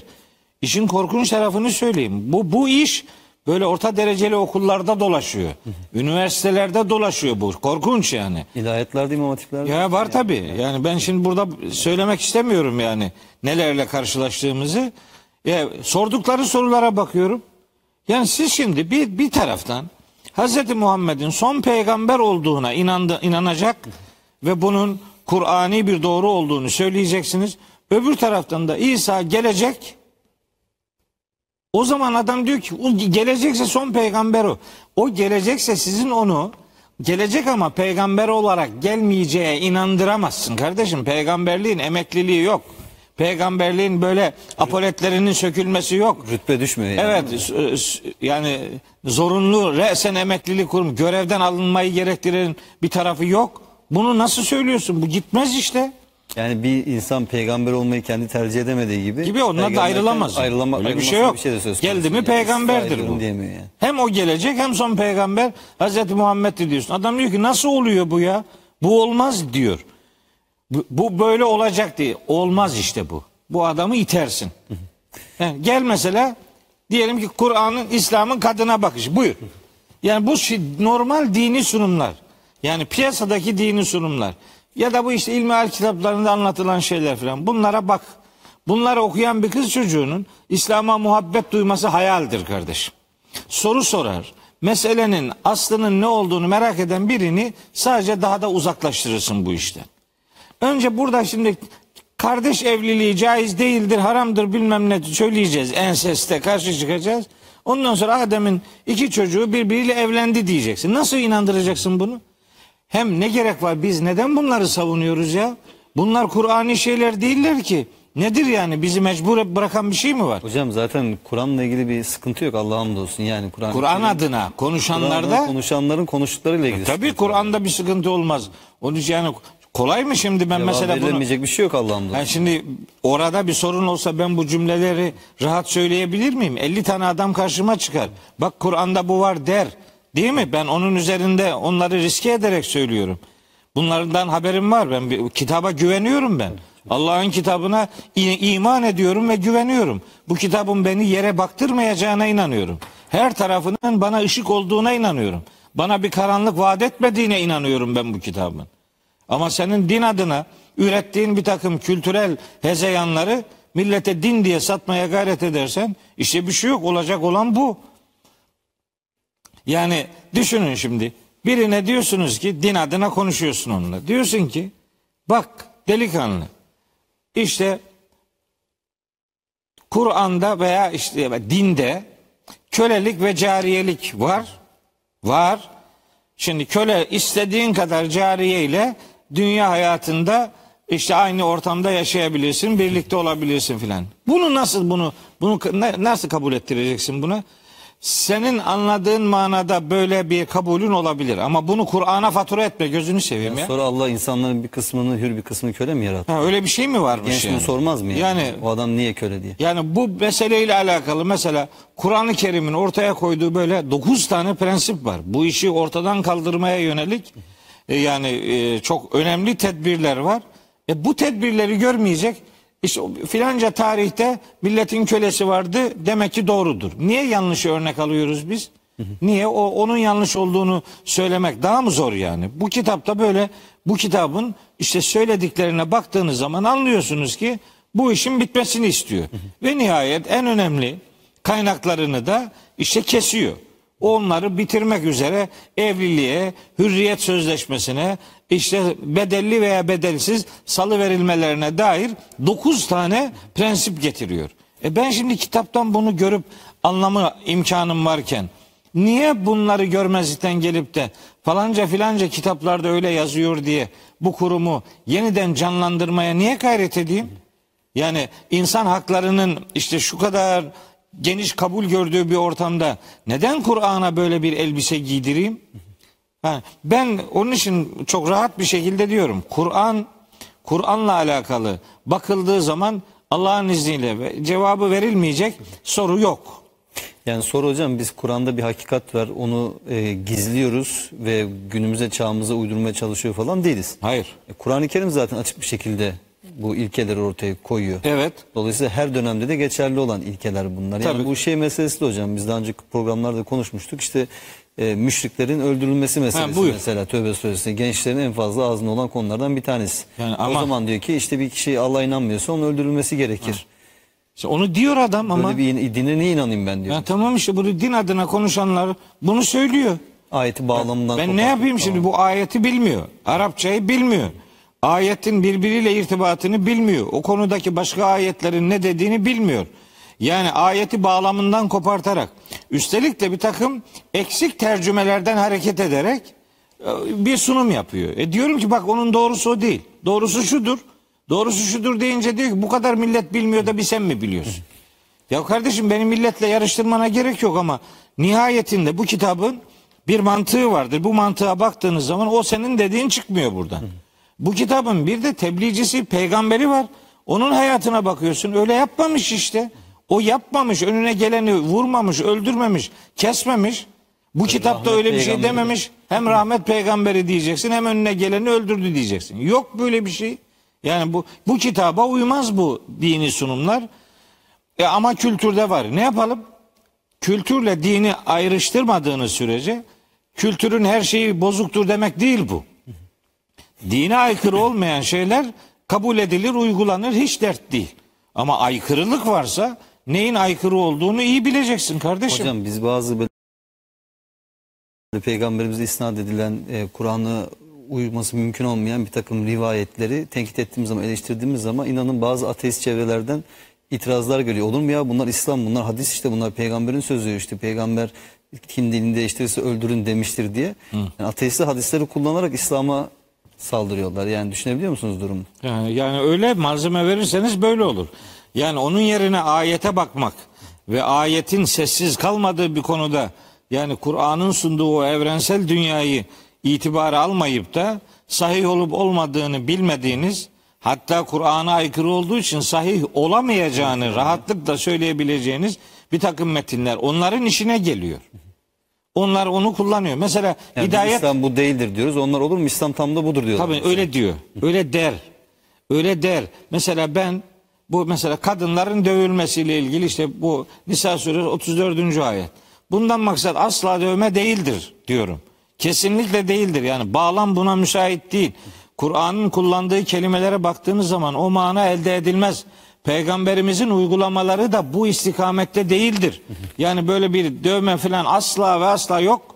Böyle bir şey yoktur deyince diyor ki sen mi daha iyi biliyorsun işte filanca bilmem kim mi? Yani dövün diyen kişi mi bilir? Tabii değil mi? Çünkü bir ateistin işine geliyor bu. Yani böyle kadını dövdüren bir din onun istismarı için son derece açık ve elverişli bir kapı. Şimdi diyorum ki ben bu tür itirazlara kültürle dini olanı ayırt ederek cevap verirsek kardeşim bu kültürde bu var. Ama dinde değil bu gözünü seveyim. Yani kültüre karşı çıkalım derken dine karşı çıkmak akıl kârı bir şey değil ki. Yani yolcuya kız yola küs. Olacak iş değil. Mesela hidayet dalalet meselesi. Evet. Hı, Allah istediğine hidayet eder, istediğini saptırır. Adam diyor ki tamam o zaman bizim kalem kırılmış zaten. En kafadan bitti bu iş. Çünkü onların kalplerini mühürlemiştir Allah diyor değil Ha, mi hocam? buyurun şimdi mesela. Bakın Kur'an-ı Kerim'in ayetlerini anlamada sebep sonuç ilişkisi diye bir mantık vardır. Siz bu mantığı ortaya koymazsanız Kur'an-ı Kerim'deki kullanımlarda zamirlerin ait olduğu yerleri belirteç edatlarının kelimeye ve cümleye kattığı ekstra manaları bilmezseniz sebep sonuç ilişkisini de fark edemezseniz öyle e, sonra geleni öne al, önde geleni sonraya bırak. Oradan tanınmaz ucube bir cümle üret. Ondan sonra de ki ah Kur'an böyle diyor. Yok öyle demiyor işte Allah'ın kitabı. Biz bunlara bakıl, bakıldığı zaman yani bir cevapsız bir dünyanın muhatabı değiliz Allah'ın izniyle. Onun için mesela ben bir Müslümanın inandığı kitaba güvenmesi gerektiğine de inanıyorum. Ne kadar güveniyorsa o kadar inanıyordur. Kitaba güveniyor musun? Güveniyorum. Neyini biliyorsun peki? Ne kadar biliyorsun? Hiç biliyor musun? Yok. E, Bilmediğin şeye nasıl güveniyorsun? Yani yarın seni mahcup edecek bir şey vardır. Çıkarsa içinden ne olacak? Hiç bilmemek en iyisi. Böyle bir çıkar yol olabilir mi? Bizim Kur'an'ın ortaya koymak istediği şahsiyetin en önemli unsurlarından biri. Onun için bilerek söyledim. Bu kitaba iman edecek. Ama tanıdıktan sonra iman edecek kardeşim. Zalikel kitabu la raybe fihi huden lil muttakin. Başka ayetlerde işte huden lin nasi. Başka bir ayette yehdi lilleti hiye akvam. En doğru yola, tek doğru yola ileten budur. Bütün insanlık için rehberdir. Kim? Bu. Nasıl rehber? Yollardaki dilim trafik levhalarına bakıyorsunuz bir şey yazıyor. Yazdığını okuyamıyorsun. Anlayamıyorsun. Anlayamadığın levha seni nereye götürür? Nereye kadar gidersin? Nereye gideceğin belli. Çıkmaz sokağa gideceksin. Belki de ters yöne götürüyor seni haberin yok. Rehberlik yapan kitabın dilinin anlaşılması lazım. Metninin size konuşuyor olması lazım. Rehberlik yapması lazım. Siz bunu anlayacaksınız işte. Mesele bu. Buradan evriliyor. Bu tanımayla mümkündür. Tanımazsanız imanınız sıkıntıya düşer. Ondan sonra biri size der ki sakın filancayı dinleme dinden çıkarsın. Sakın filanca kitap okuma dinden çıkarsın. O kadar kolay çıkacaksa zaten o din. O dinde değil demektir Hocam şimdi yani. geçenlerde biliyorsunuz bu Fransa'da e, bir e, Kur'an-ı Kerim'deki Ayetleri- işte Yahudilerle ilgili ve şiddet içerikli olduğu iddia edilen ayetlerin Kur'an'dan çıkartılmasıyla ilgili bir gündem oluştu ve haklı olarak tabii Müslüman dünyada da bu bir tepkiyle ülkemizde de tepkiyle karşılandı ama Evet. yani acaba biz ülkemizdeki Müslümanların da çoğunluğuna Kur'an-ı Kerim'deki bu Yahudilerle ilgili ayetler neler ne söylüyor desek acaba biliyorlar mıdır? Keşke bilseler. Yani neye itiraz ettiğini biliyor mu mesela? Yani tabii ki Kur'an-ı Kerim'den biz e, ayet çıkaracak bir durumumuz yok haşa. Böyle bir şey Kur'an ihtiyacı da yok. Tabii. Ama Müslümanlar haklı olarak kitaba sahip çıkıyorlar. Ama sahip çıktıkları kitabı bilmiyorlar. Yani muhtemelen o bildiriyi yayınlayan insanlar veya bu tezi ortaya koyan insanlar en azından o ayetleri biliyorlar. Ve o ayetleri bağlamından kopartarak belki çarpıtıyorlar ama Çarpıtıyorlar. Ha, yani. Ama o ayetleri biliyorlar en azından. Yani mesela burada Müslümanların çoğu buna itiraz ederken neye itiraz ettiklerinin farkındalar mı acaba? Yani neyi sahiplen... söylüyorum hocam. Çünkü biz eğer ki kitabımıza sahip çıkacaksak her Müslümanın aslında yani kalkıp da böyle bir iddia karşısında Kur'an'ı savunabilir durumda olması Evet gerekir tabii. değil mi? Tabii bilmediğiniz şeyi savunamazsınız da. Ama mesela ben o zaman e, bu tweet Twitter'dan işte bir şeyler paylaştım filan. E, yazdığım şeylerde dedim ki yani bu adamlar kitabı tanımadıkları için onlar da tanımıyor yani. İstismar ediyor, cımbızlama yapıyor.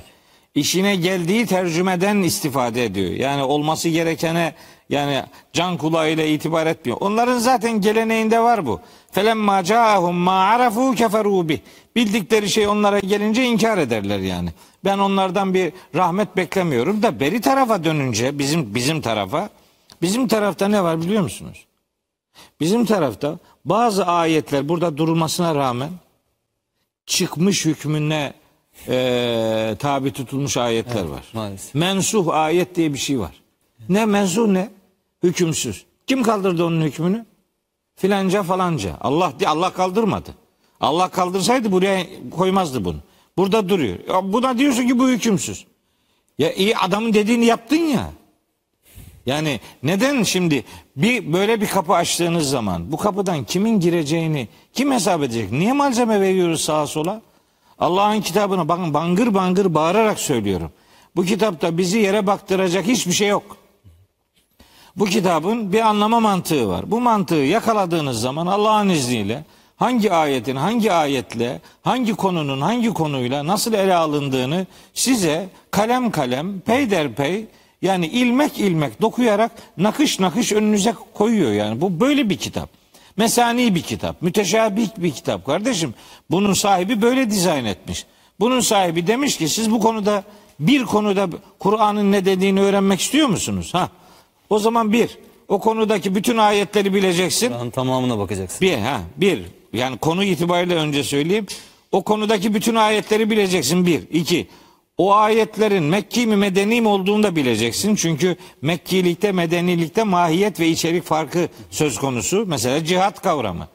Cihat kavramı Mekki surelerde hep fedakarlık yapmak, çalışmak, çabalamak, Kur'an'ı anlatmak, Kur'an'la mücadele etmek, insanları Kur'an'la buluşturmaya gayret etmek, adam kazanmaya çalışmak filan. Medine dönemindeki cihatta bu manalar var ama saldırıya uğramışsanız kendinizi savunma manası da var. Yani bağlamını bilmek aslında belki de. Bir, yani hem kendi indiği zamanı bilmek, iniş ortamını bilmek, bağlamını da bilmek tabi bağlama göre mana kazanıyor. O konudaki bütün ayetleri bilmek gerekiyor. Bütün bunlar yetmiyor. Bir konuyu bilmeniz için her konuyu bilmeniz lazım. Bu kitap böyle bir kitap. Kimse Yani kusura emek bakmasın. vermek gerekiyor. Ha, siz ömür vereceksiniz arkadaş. Alıyor eline iki hafta bir şey okuyor ondan sonra oh, bu bitmiyor kapat. Ya ne kadar kolay yani bu Ahmet'in Mehmet'in makalesi değil ki bu Allah'ın kitabı. Kusura bakma yani buna bir ömür vermen lazım. Hani buna ömür vermeden bir şey anlamazsın demiyorum. Her okuyan bundan anlar. Hocam- yani bunda hiç tereddüt yok. Dediğiniz zaten böyle bir de aslında Tevrat ve İncil içerisindeki şiddet içerikli pasajlardan da habersiz değiliz yani. Eğer ki samimilerse böyle bir iddiada bulunuyorlarsa yani Kur'an ayetlerini çarpıtarak, cımbızlayarak, bağlamından kopartarak sanki İslam'ı şiddet dini gibi e, sunmaya, göstermeye çalışıyorlarsa o zaman samimi olup Tevrat ve İncil içerisindeki bu ayetleri de ortaya koymaları Anladım. gerekiyor. O ayetlere de baksınlar. Kendi kendi tarihlerine ba- baksınlar yani. Elleri kanlı değil mi bunların? Şu Filistin'de şu gün oradaki 66 tane insanın hayatını kaybetmesinin sebebi kim? İşte Yahudiler ve onların Amerika bağlantısı değil mi yani? Bu- Batılılar yapmıyor mu bunu yani? Onların kanı mı sadece mukaddes yani? Başkalarının kanını akıtmak serbest yani. İşte sömürgecilik tarihi ortada hocam yani yüzlerce yıl. Evet. Evet yani şu gün yaşanan ortamda mesela ben yani ne yediğim yemekten tat alıyorum. Ne gittiğim bir yerden tat alıyorum. Yani aklıma hep bu Filistinliler geliyor. Yani korkunç korkunç bir e, mezalim var orada. Korkunç bir insanlık dramı yaşanıyor. Şu Gazze ile ilgili ya açık ha- hava hapishanesi kardeşim ya. Yerin altından yerin altına duvarlar yapmışlar. Yerin altından adam bir yere gidemesin diye ya. Bu ne zalimlik kardeşim ya? Hava zaten abluka. Bir deniz sahili şehri çok güzel sahili var ama etrafta hep savaş gemileri var böyle bu, bu kadar zulüm olur mu kardeşim Hocam ya Şimdi tabii zalime niye zulmediyorsun demek zaten çok mantıklı değil. Adam zalim ama Müslümanlar ne yapıyorlar hocam? Yani bir şey yok işte zaten ne yapıyor Müslümanlar? zaten Müslümanlar ne yapıyor biliyor musun Müslümanlar birbiriyle uğraşıyor arkadaş yani birbirine laf yetiştirmekten, birbirini birbirini cehenneme gönderme yarışından, mezhepçilik yapmaktan, işte ırkçılık yapmaktan başka zamanları yok. Ve yani bir buçuk milyar Müslümanın yaşadığı bu dünyada nasıl oluyor da ya 20 milyon Yahudi, onların içinde de çok çok e, yani fıtratını bozmamış insanlar var yani. Geçen Amerika'da yapılan bir gösteriyi seyrettim yani. Ne diyeyim yani bir bizim bizim pek çoğumuzun kılının kıpırdamadığı yerde adam kendi zalim e, yöneticilerinin zulmüne karşı meydan okuyor. O ordudan Filistin'e zulmetmeyi içine sindiremediği için görevden atılan, hapis yatan Yahudiler var yani. Mesele Yahudilik üzerinden değil. Kesinlikle, tabii ki. Ama orada bir Siyonizm var ve orada insanlara hayatı zindan ediyor. Peki bu gücü nereden alıyor? Müslümanların ilgisizliğinden alıyor. Pasif Müslümanların pasifize edilmesinden alıyor. Yani o coğrafyayı kan gölüne çevirdi. Kimsenin İsrail'le uğraşacak hali yok. Herkes başının derdine düşmüş. Yani e, Suriye'yi böldüler, mahvettiler. Irak'ı mahvettiler. İşte Yemen öyle mahvoldu. Libya öyle. Hepsi Mısır'ı zaten işte perişan durumda. O, bütün bu yapılanlar ne? İşte İsrail'in rahatı için. Yani be kardeşim bu, bu, bu İslam dünyası yani bırakın dinini aynı dinden olması şart değil. Bizde mazlumun yanında olmak diye bir öğreti var. Zalim bizdense ben bizden değilim diyebilme ahlakımız var. İki Müslüman grup savaşsa diyor Hucurat suresinde o saldırgan adamı saldırgan tarafı Allah'ın emrine gelinceye kadar siz de ona saldırın. Yani bir Müslüman bir Müslüman haksız yere saldırıyorsa saldırganı vazgeçirmek üzere ona saldırmak diğer Müslümanlar üzerine Allah'ın bir yüklediği görev. Demek ki burada muhatabın dini sorgulanmıyor. Zalimliği sorgulanıyor.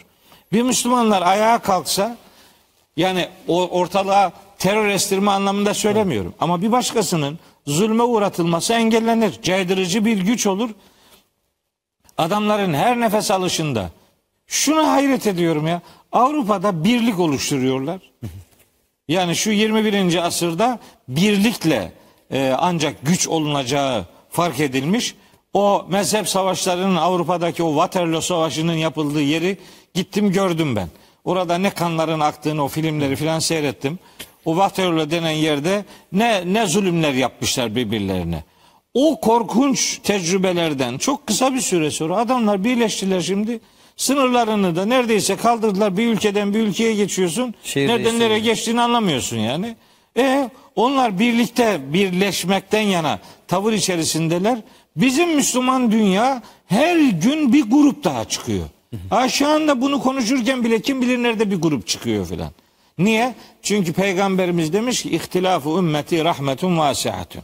Eh, benim ümmetimin ihtilafı çok geniş bir rahmettir. Yani peygamberimiz tevhid dinini getiren, vahdeti aşılayan, birlik ve beraberlik üzerinde mesaj veren peygamber dağınıklığı rahmet olarak Allah'ın gösterdi. Öyle mi? Yani? sımsıkı sarılın diyen Kur'an-ı Kerim. Ve la teferraku. Ayrılmayın diyen. Ve la teferraku. Ha o 103. ayet. Bir 105. ayet var. Orada diyor ki 104. ayet. 104. Ee, Ve la tekunu kellezi yok 105 106. ayet. Ali İmran suresinin. Ve la tekunu kellezine teferraku ve min ba'di ma ca'ahumul beyinat. Kendilerine hakikatin apaçık belgeleri geldikten sonra tefrikaya düşen ve ihtilafa boğulanlar gibi olmayın. Olmayın. En ağır azap bunları beklemektedir diyor. E peki daha ne? Daha ne ne arıyoruz yani? Hatta bakın En'am suresinde çok çarpıcı bir ayet-i kerime var. Diyor ki orada innellezine ferraku dinehum. Dinlerini bölük pörçük yapanlar ve kanu şi'an. Kendileri de böyle grup grup bölünenler var ya leste minhum fi şeyin. Senin onlarla hiçbir işin yoktur. En'am suresi 159. ayet. İnnemâ emruhum ilallah. Onların işi Allah'a kalmıştır. Sümme yunebbiuhum bima kanu yefalun. Sonra Allah onlara dünyada yapmış hepsini teker teker haber verecektir. Bu bir tehdit ifadesi. Bölünüp parçalananlarla senin bir işin yok. E, Rum suresi 30, 31. 32. ayetler onu söylüyor. Şey, bakın Müminun suresinde bu konuyla ilgili çok güzel bir ayet-i kerime var. Konu işlenirken genellikle e, pek oraya söz getirilmez ama tam onunla alakalıdır. Surenin bakın kaçıncı ayeti? Ee, 52. ayeti. 52 53. Ve inne hazihi ümmetüküm ümmeten vahideten. İşte bu sizin ümmetiniz tek bir ümmettir. Ve ene rabbukum Rabbiniz benim fettekuni bana karşı takvalı duyarlı olun. Fetekatta'u emrehum beynehum zübura. Onlar işlerini aralarında parçalayıp çeşitli kitaplara ayrıldılar diyor. Zübur kitaplar demek. Ve küllü hizbin bima ledeyhim ferihun. Her bir grup da kendi sahip olduğuyla mutlu. Dün konuşmuştuk bunu değil mi hocam? Evet. Her, her grubun kendinde bir kitabı var Evet, ama evet. Kur'an yok diye. Ama- Herkes de onunla mutlu E, demiştik. ittifak ettikleri konu bu maalesef. E peki başka bir ayet daha söyleyeyim. Enfal suresi 46. ayet. Hadi bakalım bu ayet orada dururken sen nasıl bölünmeden e, medet umarsın yani? Bunu makul ve zararsız bir şeymiş gibi Rahmet nasıl sunarsın Ve atiullaha ve rasulehu ve la tenaza'u fetefşelu ve tezhebe rihukum. Ha, Allah'a ve elçisine itaat edin. Birbirinizle kavga etmeyin ya birbirinizle uğraşmayın diyor. Ve la tenaza'u birbirinizle nizalaşmayın. Gücünüz gider. Fetefşelu dağılırsınız ve tezhebe rihukum kuvvetiniz, rüzgarınız gider. Kesilir. Yani kokunuzu kaybedersiniz. Yani birbirinize muhabbetinizi bitirirsiniz demeye getiriyor. Hocam işte siz bu ayetleri okudukça yani insan her defasında bireysel olarak da okumalar yaptığınızda ya bu kadar mı diyorsunuz? Bu kadar mı? Bu kadar mı olur yani? Hani bu ayetler buradayken bu Evet. Müslüman dünya nasıl bu halde olur? Evet, gerçekten yani. Bu kadar da okuyoruz Kur'an değil mi? Hani Kur'an okunuyor bu kadar İslam dünyasında. Şi- evet okunuyor da işte okunduğu oranda anlaşılmıyor maalesef. Hocam bir de şu yani Kur'an-ı Kerim işte aklı kullanmayı bu kadar önceliyor. İşte Yunus suresi 100. ayet var.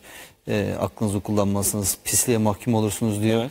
E, aslında askeri bir müdahale yapma ihtiyaç hissetmeyecek kadar İslam dünyasında bir birlik olsa, bir güç olsa, bir beraberlik olsa yani sizin güçlü bir e, diyelim ki işte birliğiniz olsa, ekonominiz olsa, eğitimde ileri seviyede olsanız, insan haklarında ileri seviyede olsanız değil mi? Zalimin karşısında durabilecek bir böyle omurganız olsa zaten yani bir uyarı göndermeyle bile bu zulmü durdurabilirsiniz. Ama Tabii. işte paramparça etmişiz, cahil kalmışız, geri kalmışız, yozlaştırmışız, bütün değerlerimizi yıkmışız ve sürünüyoruz. Evet. Yani şimdi şu günler hiç olmazsa bu günlerde yani bu bu Filistin davası ortada dururken ya bu Müslümanların birbiriyle yani didişmemesi lazım. Ne olursa olsun yani. Hocam bunu bile prim yapmaya çalışan insanlar var. Evet yani Prim- aynı kıble, aynı Allah, aynı kitap, aynı peygamber, aynı değerler ve bitmek, tükenmek bilmeyen kavgalar. Neyin kavgası bu arkadaş? ya? Neyin nefreti bu değil mi? Nedir yani ne bu? Şey diyor ki Meryem suresi 96. ayette eğer gerçekten iman ederlerse ve gerçekten salih ameller işlerlerse bunlar için Rahman bir sevgi yaratacaktır. Birbirini seveceksin diyor işte yani. E sevemiyorsun. Niye sevemiyorsun? İmanında problem var, amelinde problem var. İşte bu kadar basit. Sevemiyorsan kendine kendine bakacaksın. Bir, bir, bir sıkıntı var bir yerde. Yani ben mesela selam selamı hep tarif ederken diyorum ki selam vermek kardeşini cennette hayal etmektir. Ne olmuş şimdi? Eskiden bu Kur'an'ın indirildiği dönemde, peygamberimizin döneminde, sahabilerin döneminde böyle birbirlerine selam vermek için neredeyse yarışırlar, yollarını değiştirirlermiş. Şimdi selam vermemek için yolunu değiştiriyor adam. Nedir selam vermenin getirisi nedir? Yani kardeşine dua ediyorsun. Onu kardeşin olduğunu ilan ediyorsun. Ki inananlar kardeştirler diyor. Diyor zaten. E, kardeşin olduğunu ilan ediyorsun. Senden sen benden yana güvendesin diyorsun. Ben sana bir zarar vermeyeceğim diyorsun. O arada selamı da ben şöyle tarif ediyorum. Selam vermek kardeşini cennette hayal etmektir. Ya yani cennete daha çok insanın gitmesinden ne kaybediyorsun sen? Adam öyle bir cennet tarifi yapıyor ki yani bir gece kondu gibi 5-10 kişi zar zor sığıyor Tek içerisine. kendi grubu sığıyor. Kendi grubu o da kendi grubundan da işte elemeler yapıyor. Halbuki mesela okusa şeyi okusa Ali İmran suresi 133. ayeti okusa Hadid suresi 21. ayeti okusa mutlaka bu söylemini değiştirecek. Çünkü orada cennetin genişliği gökler ve yer kadardır diyor. O, o iki ayette. E dolayısıyla yani nedir? Nedir bu öfke ne yani? Hocam, İyi paylaşamadık yani. Muhtemelen yani geçmişte de farklı farklı anlayışlar, gruplar vardı. Belki insanlar birbirlerine arkalarından bir şekilde tepki gösteriyorlardı ama onlar kendi grupları içerisinde kalıyordu. Ama bu sosyal medya çıktı çıkalı bütün foyalar ortaya çıktı. Herkes kalitesini, nezaketsizliğini, saygısızlığını, kabalığını, nefretini, öfkesini sosyal medya üzerinden çok rahatlıkla kusuyor. Tabii. Ve görüyorsunuz yani hani Müslümanım iddiasında bulunan insanların ne durumlara düştüklerini yani kendi liginden kendi grubundan olmadığını düşündüğü insanı nasıl din dışı ilan ettiğini, Tabii. nasıl hedef gösterdi, nasıl karaladığını, nasıl nefret kustuğunu görüyorsunuz. Hakikaten İslam adına üzülüyorsunuz yani ki onları biz Müslüman olarak görüyoruz. Müslüman kardeşimiz diye biliyoruz ama yani bu kadar öfke nefret kusmaları yani İslam'a zarar veriyor. Bunun farkında değiller. Yani belki okusalardı e, En'am suresi 108. ayeti anlayarak hani bu sövgünün Kur'ani bir altyapısının olmadığını göreceklerdi. Fakat oradan besleniyorsa bir adam yani bilgiden değil de takım takımcılıktan besleniyorsa, grupçuluktan besleniyorsa yani daha ayrı daha ayrı olmaktan yana bir düşünüyor. tavrı e, tercih ediyorsa otomatik olarak o onun gibi olmayanları dışlıyor ve ötekileştiriyor demektir. Yani bunun başka bir izahı yok. E peki bu kimin işine yarıyor? Siz burada bölünüp parçalandığınız sürece kim buna yani elini ovuşturarak oh ne güzel oldu kim diyor? Hangi bir bunu bir Müslüman demez. Bunu senin şimdi öfkeli durduğun ve her fırsatta işte eleştirmeye gayret ettiğin başka din mensuplarını sevindiriyorsun. Öyle bir iş yap ki yaptığın işe Müslümanlar sevinsin, gayrimüslimler sevinmesin. Tersine yapıyoruz. Bir şey yapıyoruz. Müslüman kardeşimizi üzüyoruz. Öbür taraftaki adamları sevindiriyoruz. Ne adına? İşte ne adına değilse takımı kurtarma adına. Bu grubu kurtarayım diye başka da bir şey yapmıyor insanlar. Hocam Yusuf İslam'ın herhalde şuna benzer bir sözü vardı. Diyor ki Müslümanlar birbirleri savaştıkça, birbirlerini öldürdükçe diyor. Ağıtlar işte Türkçe olacak, Arapça olacak, e, Farsça olacak atıyorum ama zafer çığlıkları İbranice, İngilizce, Fransızca olacak. Evet çok doğru demiş. Yani Aynen öyle. görünen kök kılavuz istemez değil mi? Yani Öyle. Müslümanlar bu kadar birbirlerine düşmanca e, tavır sergilerlerse birbirlerine, savaşırlarsa, birbirlerinin kanını akıtırlarsa olacak şey ortada. Evet maalesef ama hani yani Kur'an'ın istediği bir insan olmak Kur'an'ın istediği insan olmak başka insanlara hayat hakkı vermemek demek değildir. Kur'an size saldırmışsa bir adam ona saldır onun saldırısına karşı kendinizi savunma hakkını size verir. Size saldırmayan bir insanlara herhangi bir kötülük yapmanızı el vermez. Yani olduğu Ona izin vermez. bir şey yapamıyorsun. Tabi yani çok net. Hac suresi 39. ayet. Üzine lillezine yukatelune. Kendilerine savaş açılanlara izin verildi. Niye? Biennehum zulimu. Çünkü haksızlığa uğradılar. Vatansız bırakıldılar, yurtlarından sürüldüler. Şimdi diyor ki işte bu Filistinliler ne yapıyorlar? Ne yapacak ya? Adamı vatanından sürdün işte. Bilmem kaç milyon Filistinli Filistin'de değil.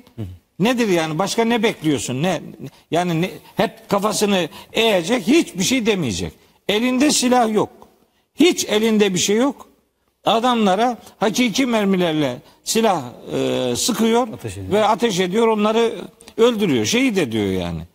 Ve buna diyor ki şimdi bunlar şey huzursuzluk çıkartıyor.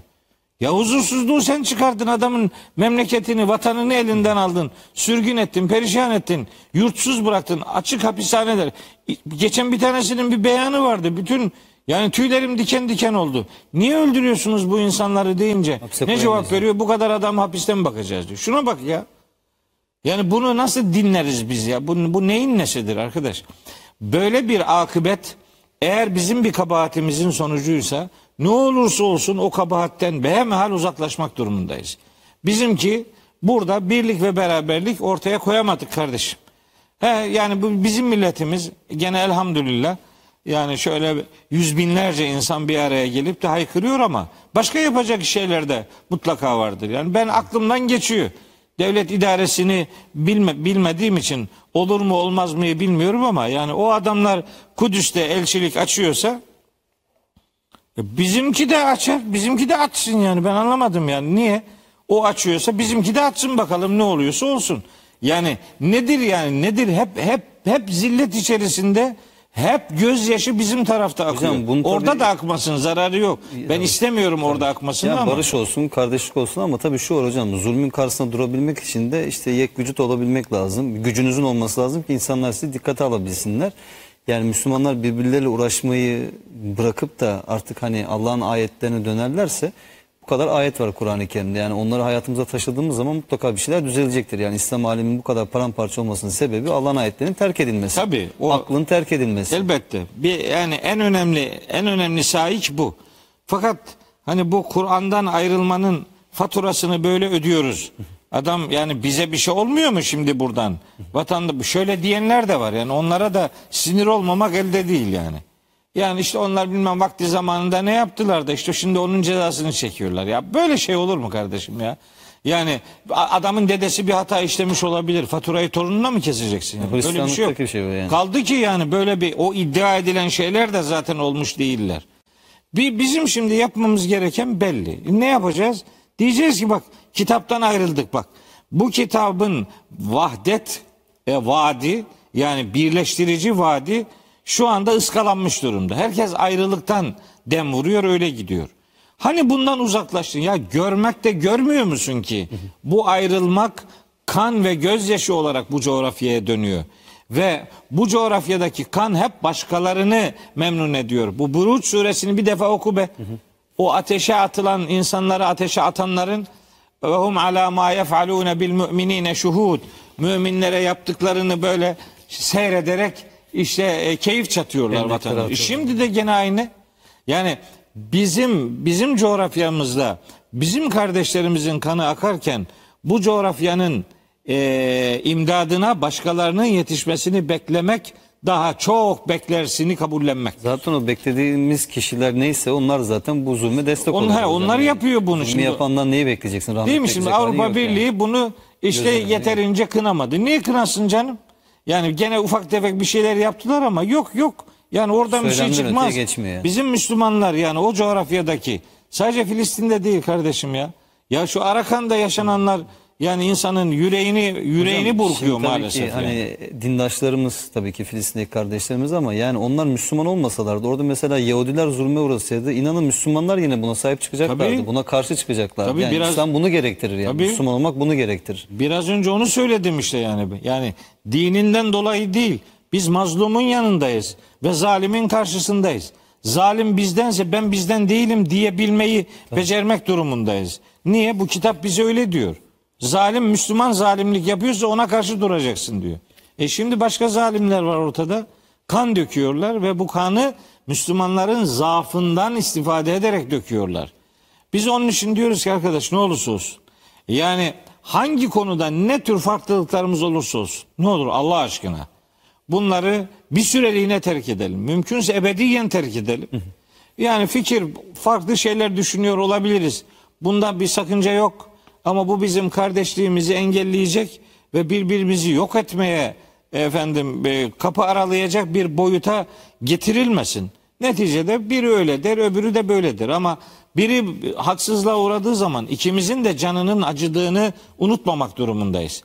Yani şu niye öyle yapmadı, bu niye öyle yapmadı diye kendini temize çıkartıp falanca falancanın fedakarlıklarını yeterli görmeyip kendisi de hiçbir şey yapmayan pozisyon bir Müslümana yakışan pozisyon değildir. Bizim kitabımız haktan ve haklıdan yana olmayı bize öğretir. Güçten ve güçlüden yana olmayı değil. Biz adaletten yana insanlarız. Adaletin dininin, imanının, imanlının, imansızının uygulanabileceği bir ayrımı kabul etmeyiz. Devletin dini adalettir der. Adaleti herkese uygulamaya gayret ederiz. Kendi aleyhimize de olsa, yakınlarımızın aleyhine de olsa, ana babamızın, çocuklarımızın, fakirlerin, zenginlerin aleyhine de olsa adaletten ve hak şahitliğinden sakın ha sapmayın diye Kur'an bize iki ayetiyle Bunların seslenir. Her biri ayetlerde zaten. Evet. Nisa suresi 135, Maide suresi 8. ayetler. Biz ne anladık buradan? Biz şuradan şunu anladık. Hiç kimse haksızlığa uğratılmayacak. Bizim hakim olduğumuz, bizim sözümüzün yani kitabımızın sözünün geçtiği ortamlarda zulmün z'si olmayacak. Eğer olursa ona karşı durmak bu kitabın inanırlarına yüklediği bir görevdir. Hocam e, hiç bölmek istemezdim sizi ama bir reklam aramız var. Sonra dönüşte birlikte inşallah toparlayıp kapatalım. Peki. Değerli izleyenler reklamdan sonra birlikte hocamla kapanışı yapacağız inşallah.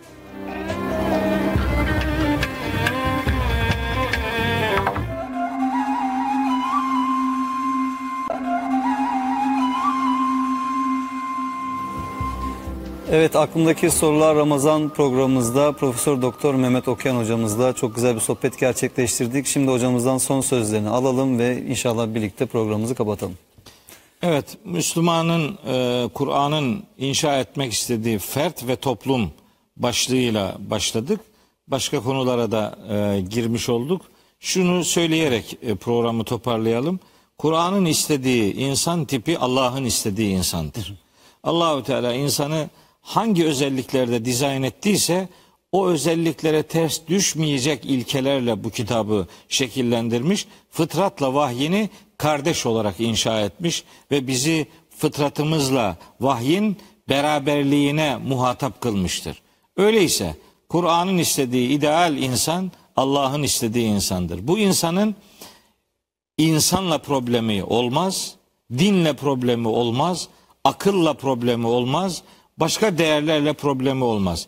Kur'an'ın istediği insanın insandan yana bir problemi olmaz. Niye? Çünkü o insanın yaratıcısı olan kudret vahyi gönderen kudretti de.